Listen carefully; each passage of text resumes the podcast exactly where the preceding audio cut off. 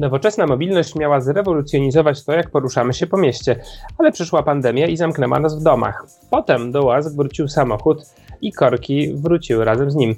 W dzisiejszym odcinku Cyfrowego Pojutrza porozmawiamy o popandemicznych perspektywach przed branżą nowoczesnej mobilności.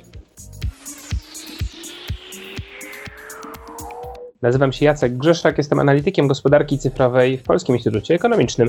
Do rozmowy zaprosiłem dzisiaj Adama Jędrzejewskiego, założyciela i prezesa Stowarzyszenia Mobilne Miasto, które reprezentuje interesy firm branży Mobility as a Service. Cześć Adamie. Witam Ciebie Jacku, witam Państwa. E, na początku o pojęciach, bo użyłem kilku trudnych pojęć już w tym wprowadzeniu i w przedstawieniu Ciebie, więc chciałem Cię zapytać o to, czym jest Mobility as a Service, czym jest nowoczesna mobilność. E, tam się jeszcze pojawia w tle współdzielona mobilność, mobilność miejska, dużo tych, e, dużo tych pojęć. O czym my właściwie rozmawiamy? Rzeczywiście dużo tych pojęć, więc może dla uproszczenia zacznijmy od tej takiej kategorii nadrzędnej Nowoczesna mobilność. Nowoczesna mobilność, no to z samej nazwy wynika, że to jest już jakiś inny sposób przemieszczania się niż ten tradycyjny.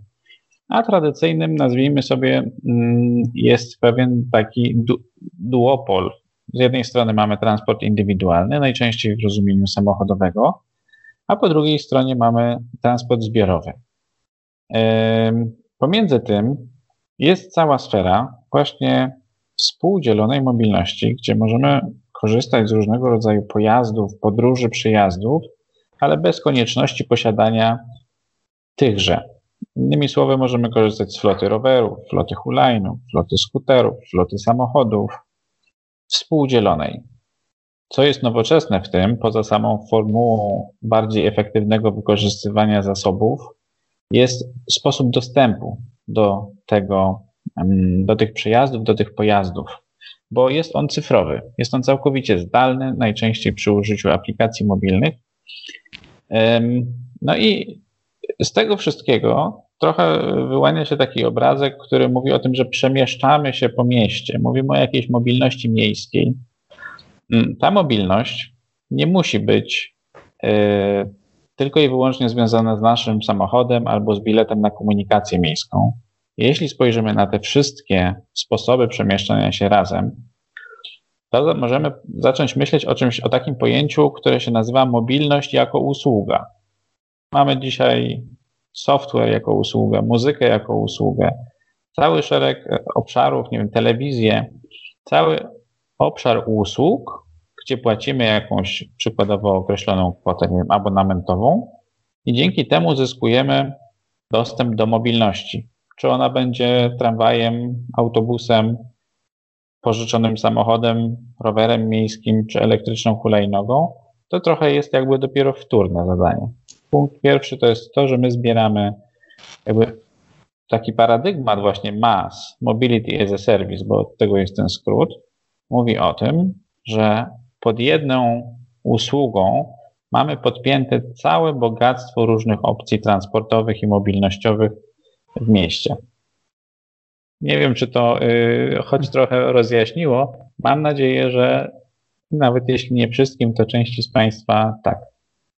Y, ja myślę, że myśl, myślę, że to sporo rozjaśnia. Ja też chcę odesłać zainteresowanych tym zagadnieniem słuchaczy do, do podcastu Sceptech z czerwca zeszłego roku, e, w którym e, rozmawialiśmy w, z Adamem e, na ten sam temat, tylko właśnie bardziej skupiając się na, na właśnie zagadnieniu mobilności, czym jest mobilność i, i na, na, na tym, komu komu jakiego rodzaju środki transportu e, mogą służyć, jak to, jak, to, jak to projektować w miastach. Dzisiaj chcielibyśmy się skupić e, na bardziej na tym aspekcie rynkowym, gospodarczym całego, całego zagadnienia, ale osoby zainteresowane szerzej taką dyskusją mogę do, do tego podcastu odesłać. I mnie jeszcze z, się narzuca jedno pytanie dotyczące Twojego wprowadzenia.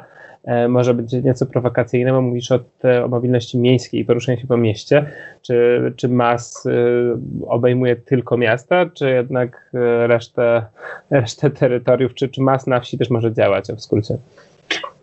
MAS y, na terenach pozamiejskich, podmiejskich też oczywiście może działać. Rzeczywiście rdzeniem mm, mobilności jako usługi, rdzeń takiej usługi i sens jest tam, gdzie jest duża gęstość zamieszkania i duża gęstość dostępnych opcji transportowych. Oczywiście im dalej, im bardziej peryferyjnie, tym opcji transportowych mamy mniej. Popyt na usługi mobilności mniejszy, siłą rzeczy i potencjał dla masu jest mniejszy. Ale to też nie wygląda tak, że mm, systemy mobilności jako usługi e, są tylko i wyłącznie tam, gdzie jest, nazwijmy sobie to taki naturalny popyt na usługi mobilności. Często mamy do czynienia z sytuacjami, w których na przykład włodarze miast albo całe regiony, metropolie, także w Polsce, bacznie obserwują yy, albo mierzą się z pewnym wyzwaniem wykluczenia transportowego właśnie w obszarach yy, mniej zurbanizowanych.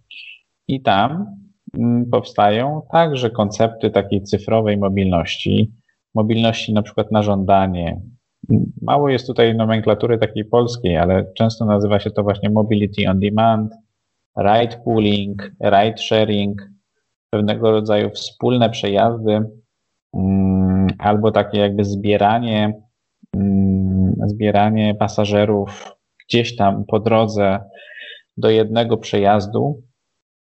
To jak najbardziej są komponenty też właśnie e, Mobility as a Service, nieco bardziej ukierunkowane na zaadresowanie tych wyzwań związanych z e, transportem powiedzmy podmiejskim albo w obszarach gdzieś tam trochę bardziej oddalonych od, mm, od centrów miast, ale jak najbardziej jest to też pełnoprawny element, nieco osobna kategoria w ramach masu, mm, nie tak bardzo oczywista, ale y, też odpowiadając na Twoje pytanie, E, też jest to w pakiecie mobilności jako usługi. Tak naprawdę tutaj nie ma żadnych granic.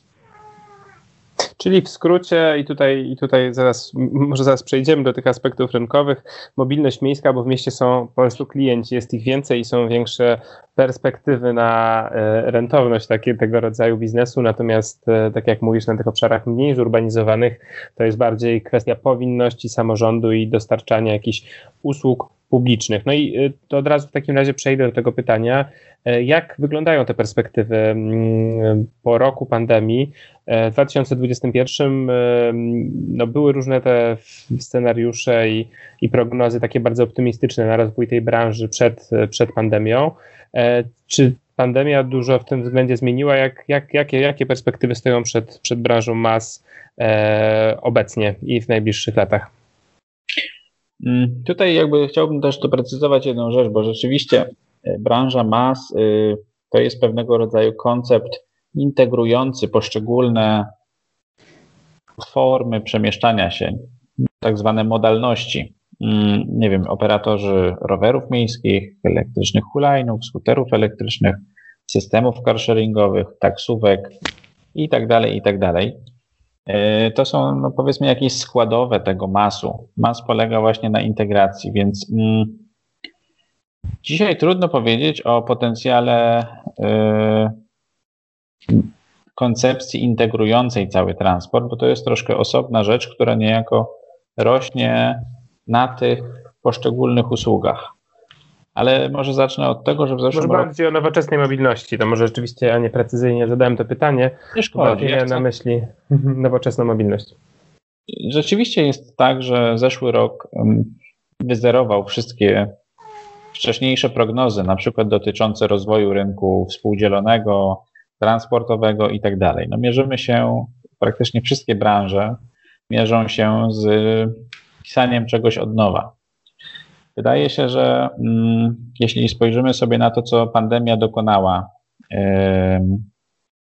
z mobilnością naszą, no to przede wszystkim nasza mobilność jako ludzi, czyli takie przemieszczanie się, częstotliwość przemieszczania się, nie wiem, do pracy, do szkoły, do, po zakupy i tak dalej, no została drastycznie ograniczona. Są badania, y, które pokazują mobilność Polaków na podstawie danych z y, telefonów komórkowych. Czyli one odzwierciedlają mniej więcej taką naszą właśnie no, mobilność, takie nasze przemieszczanie się. E, I one w tych takich e, pikach pandemii e, ubiegłego roku, tym wiosennym, a potem tym jesiennym, mniej więcej ograniczyły mobilność naszego społeczeństwa o około 55% w tym pierwszym okresie wiosennym, zaraz tuż po, czyli to tam od marca, kwiecień, maj. E, a potem e, w tej tak zwanej drugiej fali na jesieni, e, październik, listopad, to było ograniczenie naszej mobilności mniej więcej o jakieś 33%. I te wartości, tak jak analizowaliśmy je już w tym roku, one całkiem nieźle, mówię ten zakres tych wartości, od tych 50 kilku do 30 kilku procent, one mniej więcej odzwierciedlają to, co udaje się pozyskać z rynku, jeśli chodzi o dane na przykład korzystania z systemów roweru miejskiego, e, korzystania z komunikacji miejskiej. E, weźmy sobie przykład Warszawy. Tu mam jakby najświeższe gdzieś tam dane zebrane. W zeszłym roku 40% mm, mniej biletów sprzedał Warszawski Zarząd Transportu Miejskiego. Bardzo podobny mamy e, spadek, jeśli chodzi o liczbę wypożyczeń roweru miejskiego. Czyli gdzieś mniej więcej jesteśmy w tych paru dziesiątkach procent w dół, jeśli chodzi o popyt na usługi mobilności. W szczytowych momentach oczywiście gdzieś to było y, nawet więcej. Y, tutaj z biznesu trudno jest pozyskać dane, y, z tego względu, że przykładowo elektryczne hulajnogi, skutery, cała branża carsharingowa to są czysto prywatne przedsięwzięcia, i nie ma jakby dostępu do oficjalnych danych, no a przedsiębiorcy niechętnie udzielają takich, e, nie, niechętnie odkrywają karty, odsłaniają jakieś wrażliwe dane na temat swojego biznesu, więc mm, możemy tylko i wyłącznie spekulować, jakiego rodzaju spadki w liczbie wypożyczeń, w utylizacji pojazdów mieli poszczególni operatorzy na polskim rynku. Łatwiej jest o to, tak jak mówię, w przypadku systemów roweru miejskiego, z tego względu, że one są i finansowane, i zamawiane przez samorządy, więc jakby tutaj mm, mm, nie ma problemu z pozyskaniem informacji na temat przykładowo liczby wypożyczeń, liczby użytkowników i, te, i, i tak dalej. No tak, ale tak. to, o czym mówisz, to jest, to jest sytuacja głównie, tak jak mówisz, sprzed roku, gdzie faktycznie ta skala zamknięcia w domach była największa. A teraz, jak obserwujemy te E, te dane o mobilności, to chyba nieznacznie w zasadzie różnią się od, od mobilności przedpandemicznej. Trochę oczywiście tej różnicy jest, ale jednak, jednak, e, jednak Polacy znowu chętnie się, się przemieszczają i to mimo tej wygasającej już trzeciej fali. Więc zastanawiam się po tym roku tego dużego zamieszania, e, bo pewnie jeszcze o tym będziesz mówił, jak to wpłynęło na tą branżę. Zastanawiam się, jak, jak teraz wygląda ta prognoza dalsza, to znaczy, czy można powiedzieć, że wróciliśmy do, do, do takiego ruchu sprzed pandemii i do tych perspektyw sprzed pandemii, czy jednak ten ruch, który jest teraz, nawet jeśli jest, jest częsty i jest bardzo dużo samochodów na ulicach, to jednak, to jednak przekłada się na przykład na mniejsze zainteresowanie usługami sharingowymi.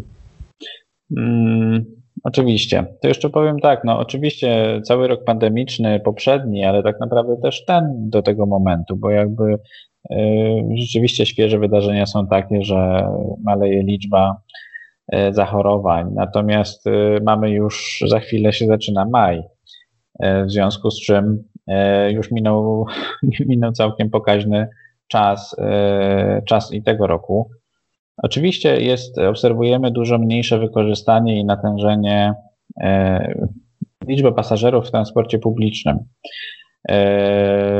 Ludzie boją się w ten sposób, no jest też jest oczywiście dużo zastrzeżeń do tego, czy nasze władze, czy to szczebla centralnego, czy lokalnego, zachęcają odpowiednio, nie wiem, czy prowadzą taką politykę, która by jednak w tej trudnej sytuacji zachęcała do korzystania z transportu publicznego, czy też nie.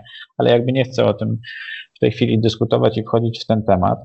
Jest dużo mniej um, użytkowników, pasażerów w transporcie zbiorowym. Stawiamy bardziej na taką, powiedzmy, bezpieczniejszą mobilność indywidualną. Owszem, często przy użyciu samochodu, nie wiem, czytam informację, że jest teraz świetny czas na przykład na sprzedawanie i kupowanie używanych samochodów. Ale są też pozytywne e, efekty, jeśli można tak powiedzieć. W zakresie, mam na myśli, równoważenia mobilności. Więcej chodzimy, więcej jeździmy na rowerach i chodzimy na krótsze dystanse. Jednym z zaobserwowanych e, takich pozytywnych pozytywnych zmian po covid e, czy tej w sytuacji covidowej, jest to, że zyskują na popularności rozwiązania tak zwanej mikromobilności. Niech to będzie rower, czy jakieś jednoślady typu elektryczne hulajnogi, ale nie tylko. Coś, co jest w zasięgu, nie wiem, 15-30 minut od domu. E, eksperci mówią, że tego typu ta właśnie mikromobilność w obszarze naszego zamieszkania, bardziej lokalnie, będzie zyskiwała na popularności. E, natomiast no, ogólnie rzecz biorąc, mamy mniejsze mniejsze, mniej pasażerów w transporcie zbiorowym. I ponieważ mamy ogólnie obniżoną mobilność, naszą jako społeczną, to, że widzimy ileś samochodów czasem i one są momentami na podobnych może poziomach w godzinach szczytu jak kiedyś, to jeszcze nie znaczy, że jako społeczeństwo przemieszczamy się tak często jak kiedyś. W związku z tym tak czy inaczej obserwuje się pewien zniżkowy trend, jeśli chodzi też o mm, korzystanie ze współdzielonej mobilności. To jakby jest trochę pochodna tego, że w ogóle mniej się przemieszczamy. W niektórych sytuacjach lokalnie być może nie, ale no to już są bardziej lokalne, mogą być jakieś lokalne e, odstępstwa od tego.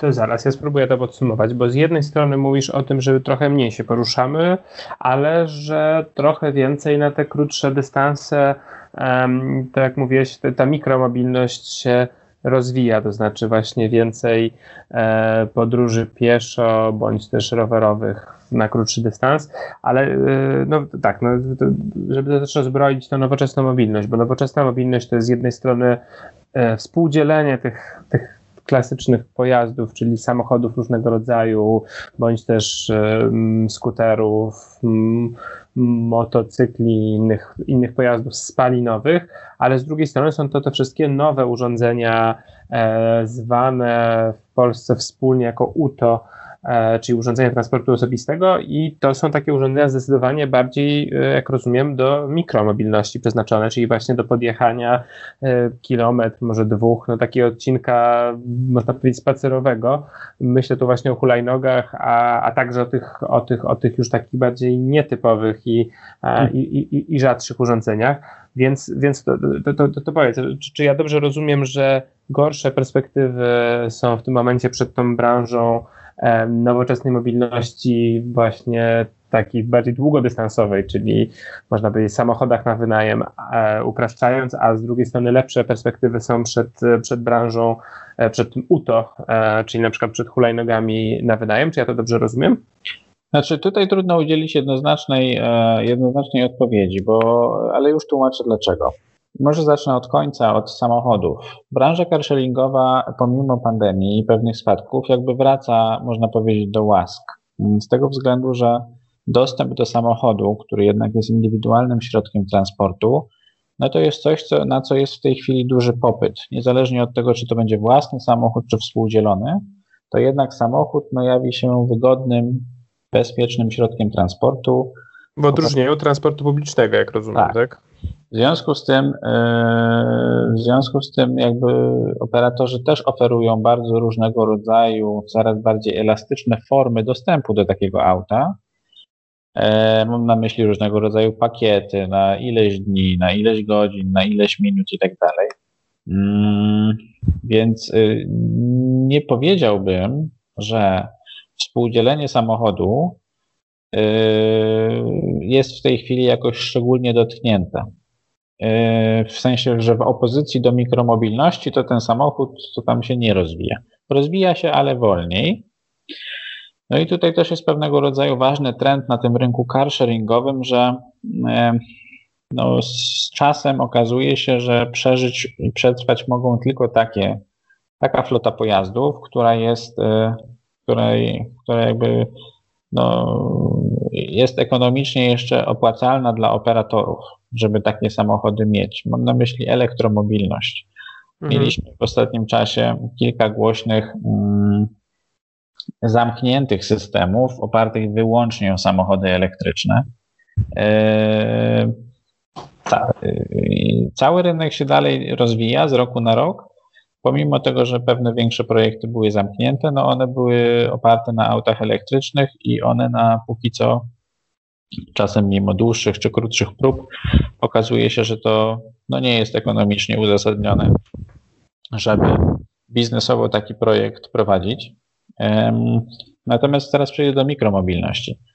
Mikromobilność pomimo pandemii, ta nowoczesna mikromobilność, dla której też teraz powstają regulacje, czy powstały, a wejdą nawet, znamy dokładnie dzień, 19 maja zaczną w Polsce obowiązywać regulacje dla hulajnóg elektrycznych, urządzeń transportu osobistego i jeszcze urządzeń wspomagających ruch. Te ostatnie, powiedzmy, jest no, niekoniecznie coś, czym, co, co jest włączone w Mobility as a Service, to są wrotki, przykładowo, więc e, czy deskorolki bez, bez baterii, mm, to są tego rodzaju urządzenia. Natomiast e, ta mikromobilność wystrzeliła i rozwija się w szybkim tempie pomimo pandemii. Jak sobie spojrzymy na rynek hulajnóg elektrycznych współdzielonych w Polsce na przestrzeni ostatnich lat, to przykładowo w ubiegłym roku te hulajnogi swoją podażą, liczbą takich pojazdów dostępnych w polskich miastach, na koniec ubiegłego sezonu, na jesieni, prawie że już dogoniły yy, systemy roweru miejskiego. A co się okazało na wiosnę teraz, jak się zaczął sezon rowerowy, no to hulajnogi elektryczne przegoniły już liczbą dostępnych urządzeń w Polsce e, rowery miejskie. To pokazuje, że ten segment właśnie nowoczesnej mikromobilności, tej bezemisyjnej, zasilanej elektrycznie, no jest y, mocno zyskuje na popularności pomimo pandemii. To nie jest tylko w Polsce, bo tak samo obserwujemy to w krajach Europy Zachodniej, e, a nawet północnej. Paradoksalnie są dane, które mówią, że w, e, chociażby w takim chłodnym Oslo jest najwięcej, e, największa gęstość e, hulajnóg elektrycznych w przeliczeniu na mieszkańca. Ja może zapytam, bo w, z, z, tego co mówisz, wyłania się trochę taki obraz, że ta pandemia trochę tam coś zmieniła, ale w zasadzie w, no też mówimy tu o młodym dosyć rynku. Ja się tak zastanawiam, czy ta sytuacja, z którą mamy do czynienia, w której, tak jak mówisz, różne firmy upadają, łączą się, no tutaj bardzo dużo się dzieje na tym, na tym rynku. E, na ile to może w ogóle mieć związek z, z, pandemią, a na ile w zasadzie to wyglądałoby identycznie, nawet gdyby, gdyby pandemia nie wybuchła. E, to znaczy, no, jak jest młody rynek, w którym w zasadzie wchodzą zupełnie nowe rodzaje usług, e, one są trochę z czasem zaskoczenia przy zupełnej nieświadomości rynku wprowadzane, no to jest naturalne, że te firmy szybko powstają, szybko upadają, szybko się łączą. Więc czy Twoim zdaniem ta sytuacja, która jest teraz na rynku, czyli jak rozumiem, łączenie się raczej spółek, raczej um, albo taka ucieczka do przodu, tak jak mówiłeś w, w, w wypowiedzi, w wypowiedziach Rzeczpospolitej, albo, albo zamykanie tych biznesów, na ile to ma związek z pandemią, a na ile po prostu z charakterem i z, z młodym wiekiem tej branży? Sądzę, że e, to, co mówisz o tych szybko powstających firmach e, zajmujących się transportem i szybko upadających, niezależnie od pandemii, e, te rzeczy by się działy. Pandemia pewnego, no, te procesy przyspieszyła.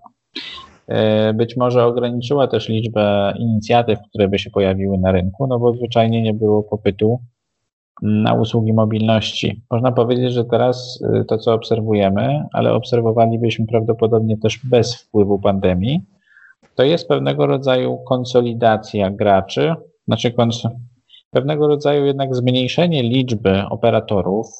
Zostają najsilniejsi i najwięksi.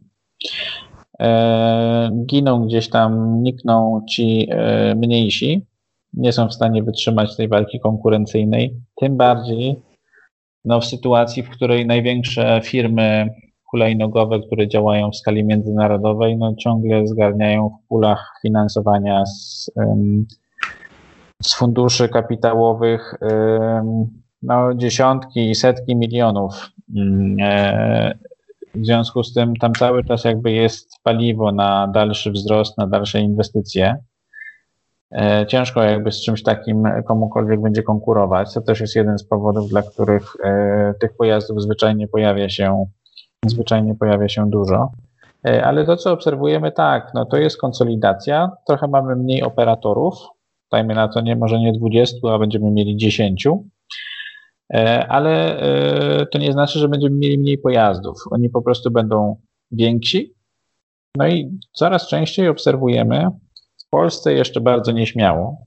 To jest to, co Jacko nazwałeś to właśnie łączeniem ofert, czy łączeniem się współpracą, partnerstwami pomiędzy poszczególnymi graczami różne branże e, właśnie tego mobility service, te różne odnogi, czy to rower, czy to hulajnoga, car sharing, skutery elektryczne, szukają synergii z innymi, e, innymi graczami, innymi sposobami przemieszczania się. Zarówno za granicą jest to gdzieś tam trend coraz bardziej widoczny, gdzie coraz więcej podmiotów zajmujących się przykładowo dotychczas, nie wiem, przewozami na żądanie, dołącza do swojej oferty zewnętrznych operatorów, zewnętrznych prowajderów, na przykład hulajnóg, carsharingu, roweru współdzielonego, e, skuterów współdzielonych mm, i tworzą się właśnie takie konglomeraty, tak, takie koalicje oferujące użytkownikom już nie tylko jeden rodzaj transportu, ale ale różne właśnie modalności. Tu chyba można w ogóle wymienić jako przykład z naszego podwórka jednego z najważniejszych graczy transportowych w Polsce, czyli Polskie Koleje Państwowe, które uruchomiły w zeszłym roku e, swoją odnogę mobilnościową, e, jak rozumiem, masową, czyli PKP e, Mobility. Nie wiem, jak oceniasz te, te, te, te, te działania, na ile to jest poważne wejście na ten rynek. W ogóle łączenie, to może zacznę tak, łączenie transportu kolejowego z dostępem do czy to współdzielonego samochodu, roweru, czy czegokolwiek innego na miejscu, tam dokąd się udajemy tym pociągiem, zdecydowanie ma sens. Są e, na zachodzie przykłady i na świecie przykłady, gdzie to działa. Nie dziwię się, że PKP także podąża tym śladem. Natomiast obecne, obecne marka PKP Mobility, która powstała i obecne e, projekty, czy to roweru współdzielonego elektrycznego, czy to carsharingu, one mają w tej chwili charakter e, raczej pilotażowy. Nie znam decyzji w zakresie dalszego rozwoju e, usług pod szyldem PKP Mobility, więc tutaj nie mogę się jakby wypowiedzieć na ten temat. Natomiast tak, koleje też są jednym z ważnych graczy na rynku mobilności, zdecydowanie. Podobnie są nim miasta, które mogą stawiać na połączenie, albo inaczej dołączenie w jakiś sposób do oferty transportu zbiorowego różnych form współdzielonego transportu. Dzieje się to niesłychanie wolno w Polsce, ale są już pierwsze miasta, które chcą próbują, szykują, nie wiem, to będzie i Gdynia, to będzie i Wrocław, nawet w Warszawie się już od dawna coś tli. Czy to kiedykolwiek dojdzie do skutku, trudno powiedzieć. Górnośląsko-Zagłębiowska metropolia, e, Poznań, no jest szereg miast, które e, rozważają w jakiś sposób wzbogacenie oferty transportu publicznego poprzez cyfrowe dodanie do tego przykładowo e, opcji różnych sharingowych. Mm, daleko jest jeszcze wszędzie, żeby to ujrzało światło dzienne, ale, e, no ale są jakby prace, są zdecydowanie prace w tym kierunku.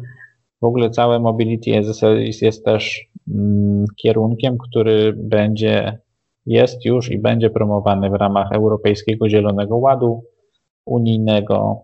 Jest w ogóle MAS czyli właśnie Mobility as a Service jest wymienione w dokumentach strategicznych jako mm, ten trend, który będzie się rozwijał i który będzie wspierany przez, e, przez Unię. Na koniec jeszcze chciałem zapytać, bo też poruszyłeś ciekawy w poprzedniej swojej wypowiedzi, poruszyłeś bardzo ciekawy wątek, jak chodzi o o, o, te hulajnogi o rundy finansowania, które powodują, że, że te hulajnogi się pojawiają i że, że firmy nie mają problemu z, ze zwiększaniem kapitału i z, z stawianiem nowych sprzętów na naszych ulicach. To chciałem Cię zapytać, bo to jest w ogóle ważny wątek tej dyskusji. szczególnie od strony finansowej, to znaczy um, drapieżna ekspansja, szczególnie jak tu mówimy o tych spółkach z Doliny Krzemowej, gdzie, gdzie to finansowanie venture capital jest bardzo łatwo, e, łatwo dostępne, no te firmy są w stanie z, rzeczywiście bardzo szybko skalować swoją działalność w skali na całe Stany Zjednoczone, a potem nawet globalnie. I tutaj właśnie przykładem tego są te hulajnogi, ale no mówimy tu o startupach, czyli o firmach działających ciągle w tej logice takiej mm, trochę innowacyjno-testowej, to znaczy nie jakiegoś e, biznesu, który miałby się utrzymywać i wychodzić na zero, tylko nowym rodzaju testowaniu, nowego rodzaju działalności, która może docelowo przynieść ogromne, ogromne zyski i z takim, z takim założeniem inwestują w nie fundusze, ale jednak, jednak wiąże się z nim spore, spore ryzyko. I jak rozumiem, hulajnogi, które, które takie triumfy święcą, święcą triumfy właśnie, tak jak mówisz, głównie w oczach inwestorów, zdobywają to zaufanie i finansowanie. Czy twoim zdaniem to ostatecznie ma szansę być, być faktycznie dochodowe? No bo ja już też się spotykałem z takimi analizami, które pokazywały, że, że te hulajnogi no nijak się nie są w stanie spinać finansowo przy tego rodzaju stawkach, które są i przy tak dużych kosztach, które mają chociażby związane z wymianą tego sprzętu dosyć częstą. Czy twoim zdaniem to idzie jakoś bardziej w stronę rentowności, czy my cały czas się obracamy po prostu na takim etapie, w którym te rundy finansowania sprawiają, że niezależnie od ponoszonych ciągle strat, te firmy są w stanie e, skalować swoją działalność w nieskończoność w zasadzie? Mhm.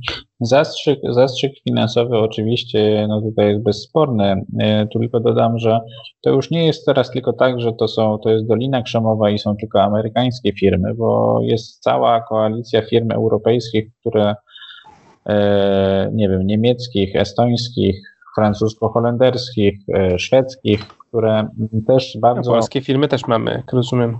Tak, mamy polskie firmy, no ale nie są one w gronie tych, które pozyskują te miliony, o których mówimy. No tak. E, natomiast te europejskie, których kilka wymieniłem, przynajmniej jeśli chodzi o kraj pochodzenia, one są, można powiedzieć, ramię w ramię z tymi amerykańskimi gigantami, więc można powiedzieć, że też tutaj w Europie mamy bardzo mocną koalicję takich startupów.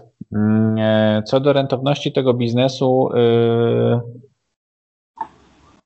nikt oczywiście nie, nie ujawnia bardzo szczegółowo swoich danych, natomiast są też oficjalne komunikaty różnych operatorów z branży elektrycznej mikromobilności, które już jakiś czas temu potwierdzały, że operacyjnie e, osiągnęły te przedsięwzięcia rentowność. Oczywiście to bardzo zależy od lokalnego rynku. Bardzo dużo zależy od cen. Wojna cenowa e, i konkurowanie e, no też jest czymś, co no, jeśli chodzi o obniżanie cen, oczywiście wpływa na, na cały wynik. Natomiast musimy też sobie całkiem szczerze przyznać, że chociażby elektryczne hulajnogi w momencie, kiedy się zaczęły pojawiać, około dwa, ponad dwa lata, dwa i pół roku temu, pierwsze w Polsce, no to ta oferta była dość droga. Ona do dzisiaj nie jest jakoś szczególnie tania. Jak porównamy sobie na przykład e, koszt podróży mm, e, samochodem współdzielonym a koszt podróży hulajnogą, no to możemy na pewnych fragmentach mieć w ogóle bardzo podobne wyniki, mówię finansowo. Że będzie nas niewiele więcej może samochód, a może czasem tyle samo kosztował, co przyjazd hulajnogą. No tylko, że sama hulajnoga kosztuje niewspółmiernie, wielokrotnie mniej, aniżeli e, takie aktywo, jakim jest e, samochód.